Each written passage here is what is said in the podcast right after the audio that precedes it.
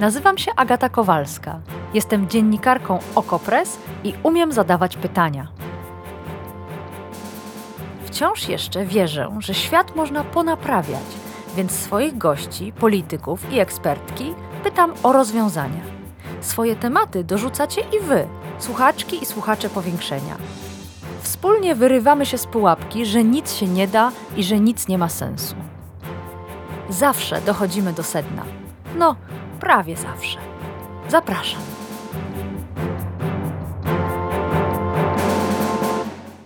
Nie jest do końca jasne, czy prześladowanie chrześcijan w Polsce trwa i dlatego potrzebne jest zaostrzenie kodeksu karnego, do czego przekonywał wiceminister sprawiedliwości Marcin Warchoł, czy też, jak chciałby inny minister w tym rządzie, Przemysław Czarnek, prześladowanie chrześcijan dopiero nastąpi, jeśli by PiS przegrał wybory. Dzisiaj w powiększeniu tego nie rozstrzygniemy, ale przyjrzymy się przepisom przygotowanym i wprowadzonym już do Sejmu przez Ministerstwo Sprawiedliwości, przepisom, które mają taką własną nazwę w obronie chrześcijan. Co to za przepisy i jak zmienią one sytuację różnego rodzaju osób, które ewidentnie nastąpiły na odcisk obecnej władzy. O tym wszystkim dzisiaj w powiększeniu. Zapraszam. A moim gościem jest dr Piotr Kładoczny, karnista, członek Helsińskiej Fundacji Praw Człowieka i wykładowca na Wydziale Prawa Uniwersytetu Warszawskiego. Dzień dobry, panie doktorze. Dzień dobry, dzień dobry, dobry, dobry wieczór Państwu, czy dzień dobry, nie wiem jak kiedy będzie puszczane. Zależy, kiedy będzie słuchane. Panie doktorze, o, słusznie, e, przede, przede, mną dokument, który, jak mówiłam, pojawił się już w Sejmie, jest po pierwszym czytaniu. Jest to projekt zmian w kodeksie karnym. Trzy zmiany naliczyłam i chciałabym, żebyśmy się im przyjrzeli poprzez konkretne sytuacje, które znamy z mediów, dotyczące, no jakby to chciał rząd, prześladowania chrześcijaństwa i chrześcijan. I pierwsza sytuacja, bardzo znana, to jest sytuacja pani posłanki Joanny Szojring-Wielgus i jej męża, którzy stanęli w kościele w czasie mszy z dwoma transparentami Pani Joanna Szojring-Wielgus miała przy sobie napis Kobieto, sama umiesz decydować. Mąż trzymał napis Kobiety powinny mieć prawo do decydowania, czy urodzić, a nie państwo w oparciu o ideologię katolicką. Trzymali te napisy przez kilkadziesiąt sekund, potem wyszli z kościoła. To było w październiku 2020 roku. W sprawie męża od razu możemy powiedzieć, sąd umorzył postępowanie. W sprawie pani posłanki e, procedowanie trwa i są dwa zarzuty wobec niej. Obraza uczuć religijnych i przeszkadzanie w mszy, przeszkadzanie w akcie religijnym. Czyli jak to mówi artykuł 195, złośliwe przeszkadzanie publicznemu wykonywaniu aktu religijnego. O, dobrze ma pan ten tekst, ja też na to patrzę i wiem, że podkreślił pan delikatnie słowo złośliwie. Przede wszystkim, jeżeli chodzi o ten przepis, to się zmienia to, że wypada z niego, zgodnie z projektem, sformułowanie złośliwie, a to zmienia całkowicie e, sytuację, ponieważ e, w tej chwili nie tylko, że obiektywnie coś komuś ma przeszkadzać, jakieś zachowanie sprawcy, ale musi być nastawione na to, żeby to było robione złośliwie, czyli celowo, bez żadnego większego sensu, tylko po to, żeby komuś zaszkodzić i utrudnić wykonywanie aktu religijnego. To znacznie poszerzy grupę osób, które mogą podpadać pod to przestępstwo. Tu trzeba jeszcze jedną rzecz powiedzieć, że o, oczywiście pozostaje to przestępstwo przestępstwem umyślnym, czyli trzeba mieć zamiar, ale Polsce występuje na zasadach ogólnych również zamiar ewentualny tak zwany. Czyli nawet nie tyle sprawca musi chcieć, E, popełnić takie przestępstwo, co wystarczy, się na nie godzi. I tu będą szereg różnych, e, może być różnych zdarzeń. No na przykład może sobie wyobrazić, że ktoś źle zaparkuje samochód i to będzie przeszkadzało w ceremonii pogrzebu. Albo ktoś będzie robił remont u siebie w domu, a będzie to przeszkadzało osobom, które słuchają w kościele, czy też e, tuż przed kościołem, albo będzie głośno puszczał muzykę. I że to rzeczywiście może przeszkadzać. I mogę sobie wyobrazić, że obiektywnie możemy stwierdzić, że to przeszkadza. Natomiast uznawano do tej pory i uznaje się w tej chwili w kodeksie, że zasługuje na karę jako przestępstwo tylko złośliwe, celowe w zamiarze bezpośrednim, a, a, nawet może więcej nawet niż bezpośrednim, bo takim ukierunkowanym na zezłoszczenie tych osób takie działanie. No i teraz, jeżeli ktoś stwierdzi, że ten transparent, który trzyma pani posłanka, go rozprasza, to może słusznie w swoim przekonaniu poskarżyć się, że to jest przestępstwo, a pamiętajmy, że również mamy y, wolność wypowiedzi i ta wolność słowa jednak jest też mm. chroniona i kto wie, czy nie y, jest chroniona co najmniej tak samo mocno jak prawo do wyznawania religii. Tym bardziej, że w tym przypadku samo stanie z transparentem nie wydaje się zakłócać takiego takiego zgromadzenia religijnego, zwłaszcza jeżeli to jest w kościele, a nie, nie zaczeka się konkretnych osób i się im przeszkadza, Mm. albo nie woła się, krzyczy, hałasuje w trakcie, w trakcie mszy. Czy w takim przypadku konieczna jest jakaś konkretna osoba, wierny z tego kościoła, czy ksiądz, który zgłosi się na policję albo do prokuratury, czy też tego typu wydarzenie, na przykład uwiecznione na filmie, na zdjęciu, jest już podstawą do wszczęcia postępowania z urzędu? Myślę, że wystarczy, ponieważ nie ma nigdzie w, w przepisach e, ani obecnych, ani tych, które się postuluje, sformułowania, że to jest na wniosek ści- ścigane albo ścigane z oskarżenia prywatnego. Dlatego jeszcze jedno chciałbym powiedzieć, że akurat to, o czym pani redaktor mówiła e, troszeczkę wcześniej, czy to już jest bardzo źle, czy też jeszcze ciągle czekamy na prześladowania chrześcijan, z tego e, załączonego uzasadnienia do, do projektu, o którym mówimy, wynika, że w 2021 roku osądzono pięć osób, a ukarano trzy osoby z artykułu 195, czyli tego złośliwego przeszkadzania publicznemu wykonywaniu aktu religijny, religijnego Kościoła. A jeżeli chodzi o 196, czyli obrażania uczuć religijnych, e, 19 osób zostało osądzonych, z czego 8 skazanych. Czyli po pierwsze widać z tego, że to nie jest jakaś bardzo wielka liczba osób, które są zainteresowane popełnianiem takich przestępstw, a po drugie, że jednak to jest duży rozrzut, bo jeżeli 19 było osądzonych, a z tego 8 skazanych, to znaczy, że prokuratura wnosiła akty oskarżenia chyba na wyrost. O, nie, nie, nie, panie doktorze, to wcale tak nie oznacza. Oznacza to tylko, że przepisy są niewłaściwie sformułowane. Tak argumentował pan minister Ziobro, pan minister Warchoł na licznych konferencjach, kiedy te przepisy przygotowywali. Nie ma tych skazań, bo po prostu e, sądy są zbyt pobłażliwe. A teraz, kiedy się doprecyzuje przepisy, bo takich używano pojęć, to skończy się upokarzanie i dręczenie katolików w Polsce. Ja bym wątpił w to, czy można używać sformułowania doprecyzuje, bo artykuł 196, o którym jeszcze nie mówiliśmy szczegółowo, powoduje, że one się trochę rozmywają. E, Jeśli pan pozwoli, zaraz do niego przejdziemy. Ja jeszcze tylko chciałam zwrócić uwagę na opinię do projektu. Złożył je m.in. metropolita Kościoła Prawosławnego w Polsce i w tym swoim piśmie zwraca uwagę, że usunięcie słowa złośliwe przeszkadzanie tego przymiotnika jest zbyt daleko idące i może spowodować zbyt szeroką interpretację wskazanego przepisu oraz nadużywanie go. Więc chyba się wszyscy tutaj możemy zgodzić, że jest takie zagrożenie. Absolutnie się możemy z tym zgodzić, zresztą e, opinia Sądu Najwyższego e, idzie w tym samym kierunku, ale najwyraźniej to nie przeszkadza e, pomysłodawcom, projektodawcom, którzy proponują ten, ten projekt. Być może właśnie o to chodzi, jeżeli się weźmie pod uwagę to, co pani redaktor powiedziała Mhm. wcześniej, że właśnie za mało sądy mają środków do karania Tak, tych osób. Tak twierdzi Natomiast Ministerstwo mówię, to być, Sprawiedliwości. projektodawcy twierdzą również, że złośliwość została, jest, jest pojęciem archaicznym i już nikt nie rozumie o co chodzi. To nie jest do końca prawda, występuje w kodeksie, w kodeksie karnym, w kodeksie wykroczeń. Nieraz jest to pojęcie dość dobrze opisane w orzecznictwie, więc nie ma tutaj co się specjalnie go czepiać. Mhm. No dobrze, to teraz przyjrzyjmy się tej drugiej zmianie. Znów na przykładzie bardzo znanym. Elżbieta Podleśna i dwie jej towarzyszące kobiety stworzyły wlepki z wizerunkiem Matki Boskiej w tęczy, zwane powszechnie tęczową Maryjką i naklejały je w okolicach kościoła w Płocku. To była odpowiedź na ołtarz, który tam został przygotowany, taki bardzo e, upolityczniony przez e, tamtejszego proboszcza. Doszło do aresztowania Elżbiety Podleśnej. Rano, 6 rano w 2019 roku policja wkroczyła. Ale też wiemy, jaki był koniec tej historii. Sąd rejonowy w Płocku uniewinnił wszystkie trzy panie i stwierdził, że tęcza nikogo nie obraża. Zarzut tam to był ten drugi przepis, który też ma teraz ulec zmianie, czyli obraza uczuć religijnych poprzez znieważenie przedmiotu czci religijnej. Co ma się zmienić? Czy tym razem, gdyby te przepisy weszły w życie, Elżbiecie Podleśnej już by się nie upiekło? Dalej twierdzę, że to mogłoby się y, upiec, no bo te przepisy mówią tylko o tym, że kto publicznie znieważa przedmiot czy religijny. Bo paragraf drugi właściwie jest tej samej, tej samej treści, co dotychczasowy przepis y, istniejący. Natomiast gorszy jest paragraf pierwszy. To mówi o tym, że kto publicznie lży, wyszydza kościół lub inny związek wyznaniowy, jego dogmaty lub obrzędy. Tu jest właśnie ten problem, że nie bardzo wiadomo, co jest dogmatem, co jest obrzędem i kto o tym ma decydować. Bo założenie w prawie karnym jest takie, że jak ja czytam przepis, jako adresat tej, tej, tej normy prawnej, to ja raczej powinienem wiedzieć, czego mi nie wolno zrobić. Po to, żebym się mógł jako praworządny obywatel dostosować do tego, nie, nie popełniać przestępstw.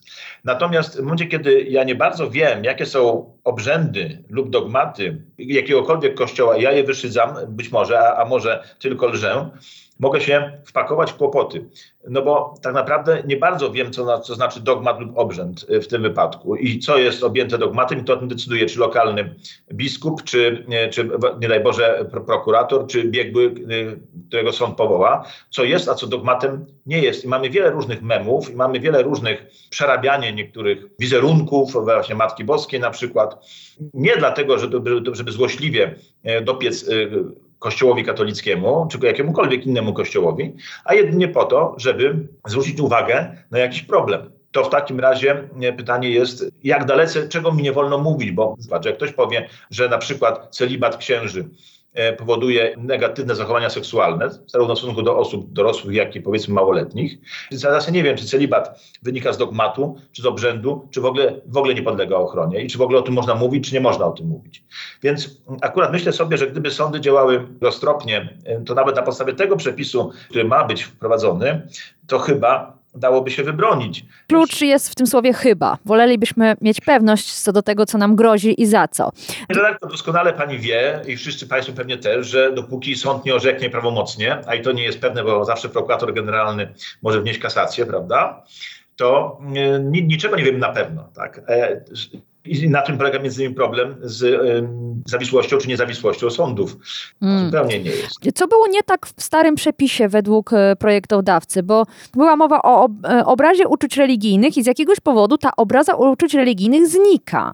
Tak, wypada obraza uczuć religijnych, co projektodawcy mm, tłumaczą tym, że wymagało to znalezienia kogoś, czyje uczucia, uczucia zostały obrażone. W tej chwili mówi, mówią, że to będzie obiektywizacja, czyli niezależnie od tego, czy ktoś poczuł się obrażony, czy nie poczuł się obrażony, jeżeli się znieważy publicznie oczywiście przedmiot czci religijnej lub miejsce przeznaczone do publicznego wykonywania obrzędów religijnych, to będzie można ścigać bez konieczności zgłaszania i znajdowania kogoś, kogo to obraziło.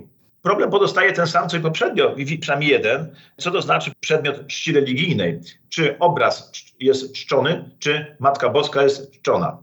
Jeżeli jest obraz czczony, to wtedy przerabianie obrazu może być jego znieważeniem, ale zakładam, że, że w, w, w naszej religii, myślę tu o religii e, katolickiej, to nie, nie obrazy czcimy, tylko czcimy świętych. Natomiast e, oczywiście będzie łatwiej, będzie łatwiej ścigać, a problem polega na tym, że nie, niekoniecznie mi zależy na tym, żeby było łatwiej kogoś skazać, tylko żeby ewentualnie skazywać wtedy, kiedy nastąpiła szkoda. Pamiętajmy, że żeby przestępstwo było przestępstwem, czyli czyn zabroniony był przestępstwem, to musi być również szkodliwy społecznie. I teraz, jeżeli nikt nie czuje szkody, bo nikt nie czuje się obrażony, to właściwie nie ma właściwie powodu dobrego, żeby za to karać. Można powiedzieć, że y, nullum crimens sine periculo sociali. Nie ma przestępstwa bez, bez szkodliwości społecznej. Po co karać za coś, co szkodliwe społecznie nie jest? Jeżeli wszyscy w danym gronie uważają, słusznie bądź nie, że można się pośmiać z różnego rodzaju dogmatów, obrzędów, czy też przedmiotów czci religijnej, które to przedmioty czci religijne podlegają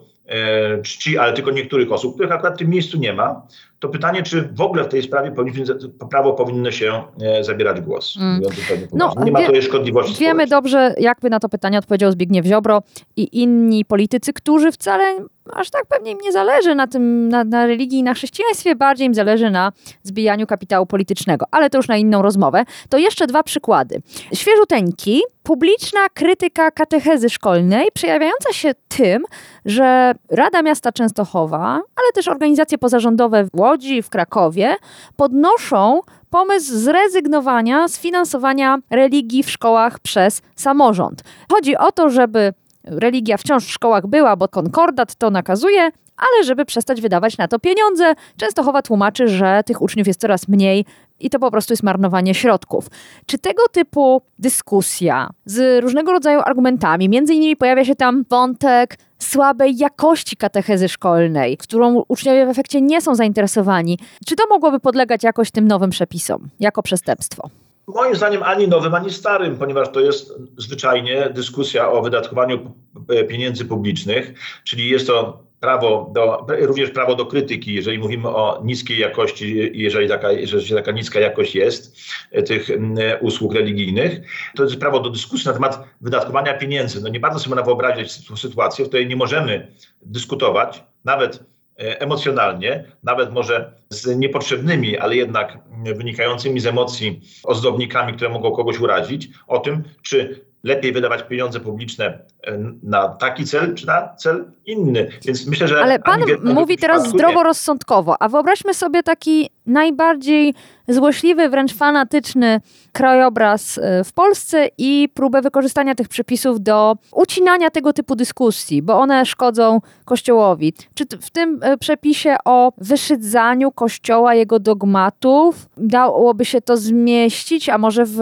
znieważaniu miejsca przeznaczonego do wykonywania obrządków religijnych, bo przecież w czasie tej katechezy też dochodzi często do modlitwy. No, wydaje mi się, że przy, nawet przy najbardziej sprzyjającej y, temu przepisowi interpretacji nie bardzo można by było ten, te, te, tego rodzaju działania zmieścić, co nie znaczy, że prokuratura nie byłaby y, skłonna, na przykład ze względu na podporządkowanie hierarchiczne osobom, które ten y, projekt y, forsują, nie byłaby skłonna kogoś ścigać. Myślę, że tak być nie powinno, ale sam fakt, że mogę się naradzić na to, że prokuratura mnie wezwie i będę stał, stał się podejrzanym, moim zdaniem zupełnie bez sensu, ale i później się być może okaże, że bez sensu, ale że będę w tym zakresie cudzysłowie ścigany, e, no to może e, bardzo poważnie osłabić chęć dyskutowania mm -hmm. różnych kwestii. No właśnie, Ale dlatego myślę, pytam, tak.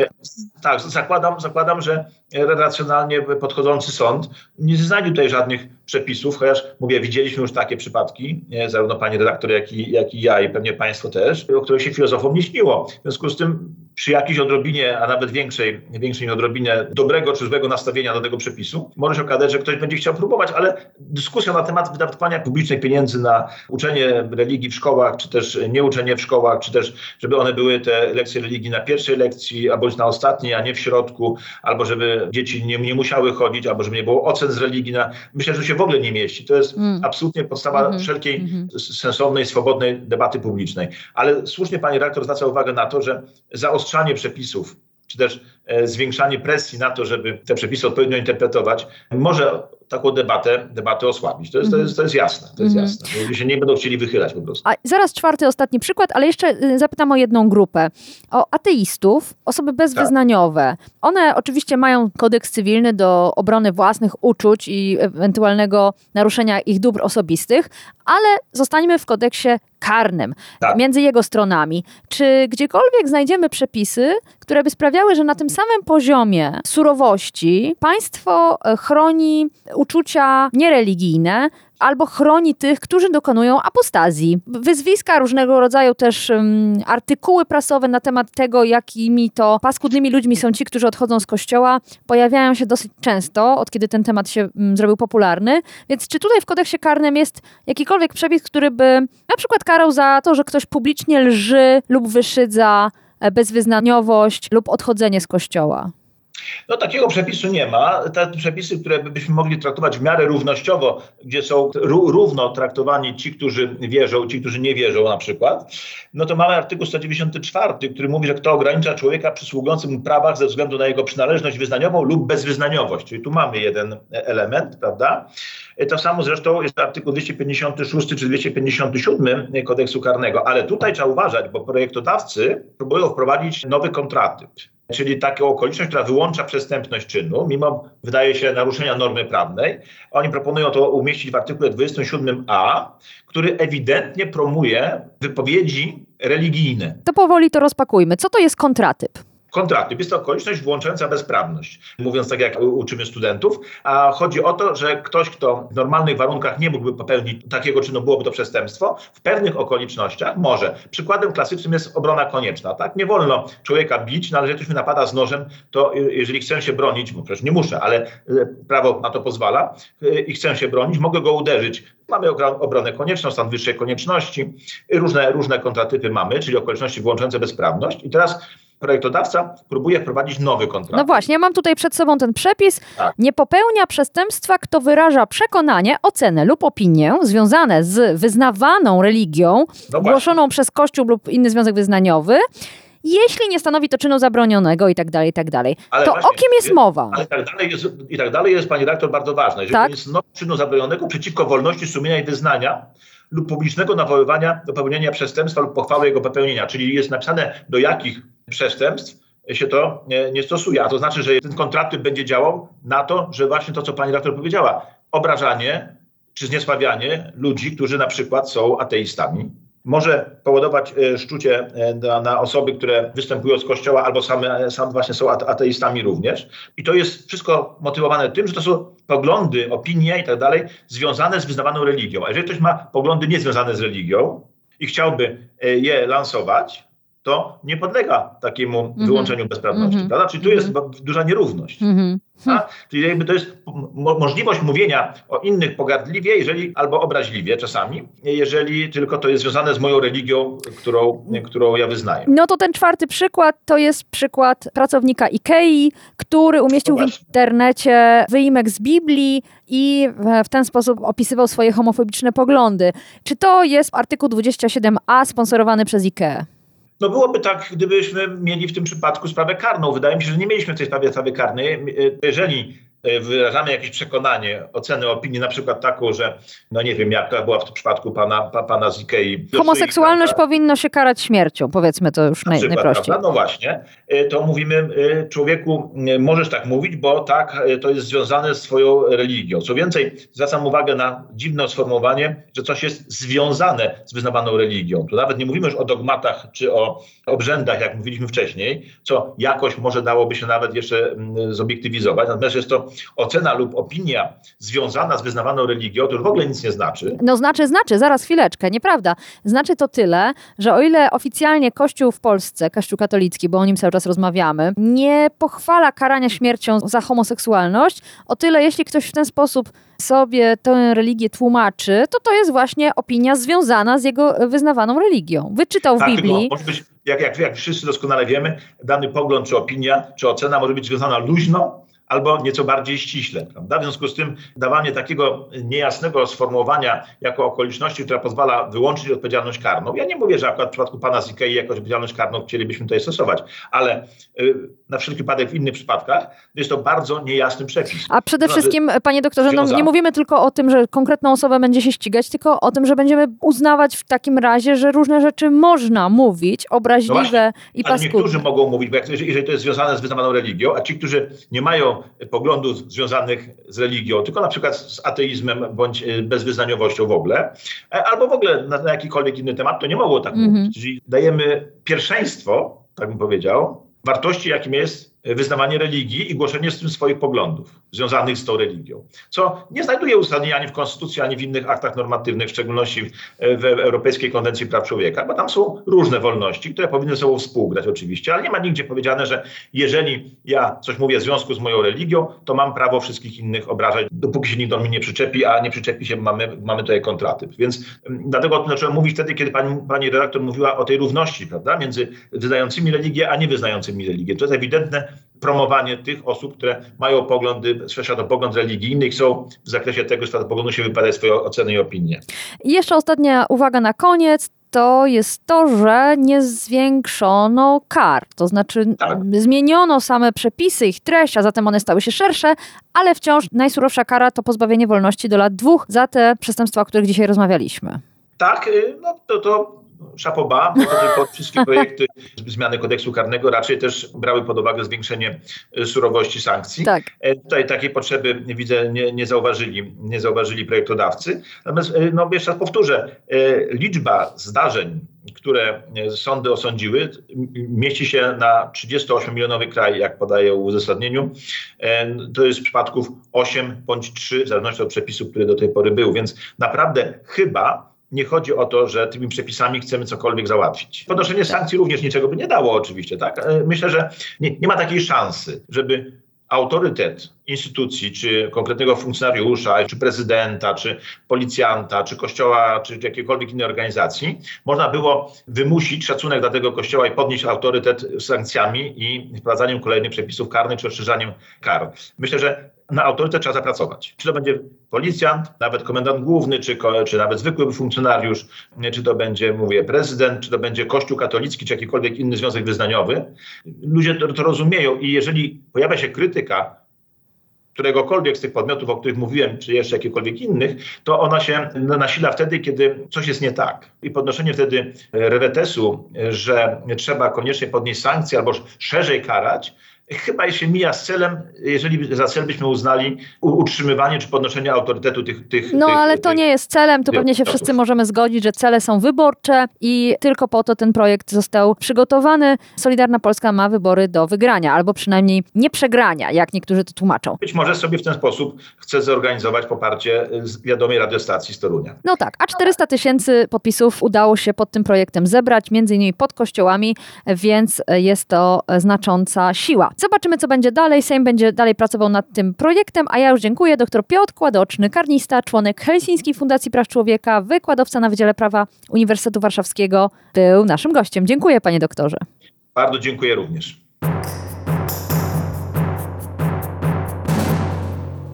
I Wam dziękuję za wysłuchanie tego odcinka powiększenia.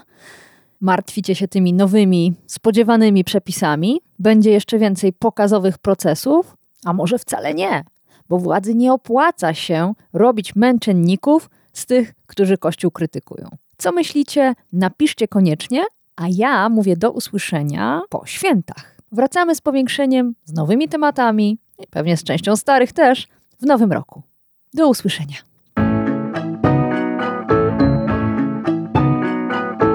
To było Powiększenie, podcast Agaty Kowalskiej. Produkcja Bartosz Weber. Powiększenie znajdziesz na stronie Okopres i w Twojej ulubionej aplikacji do podcastów. Masz pomysł na temat albo komentarz? Napisz do mnie agata.kowalska małpaoko.press Stałych darczyńców zapraszamy na grupę Okopres na Facebooku Twoja okolica. Tam też toczymy dyskusje o świecie i o podcaście. Dziękujemy za Wasze wsparcie.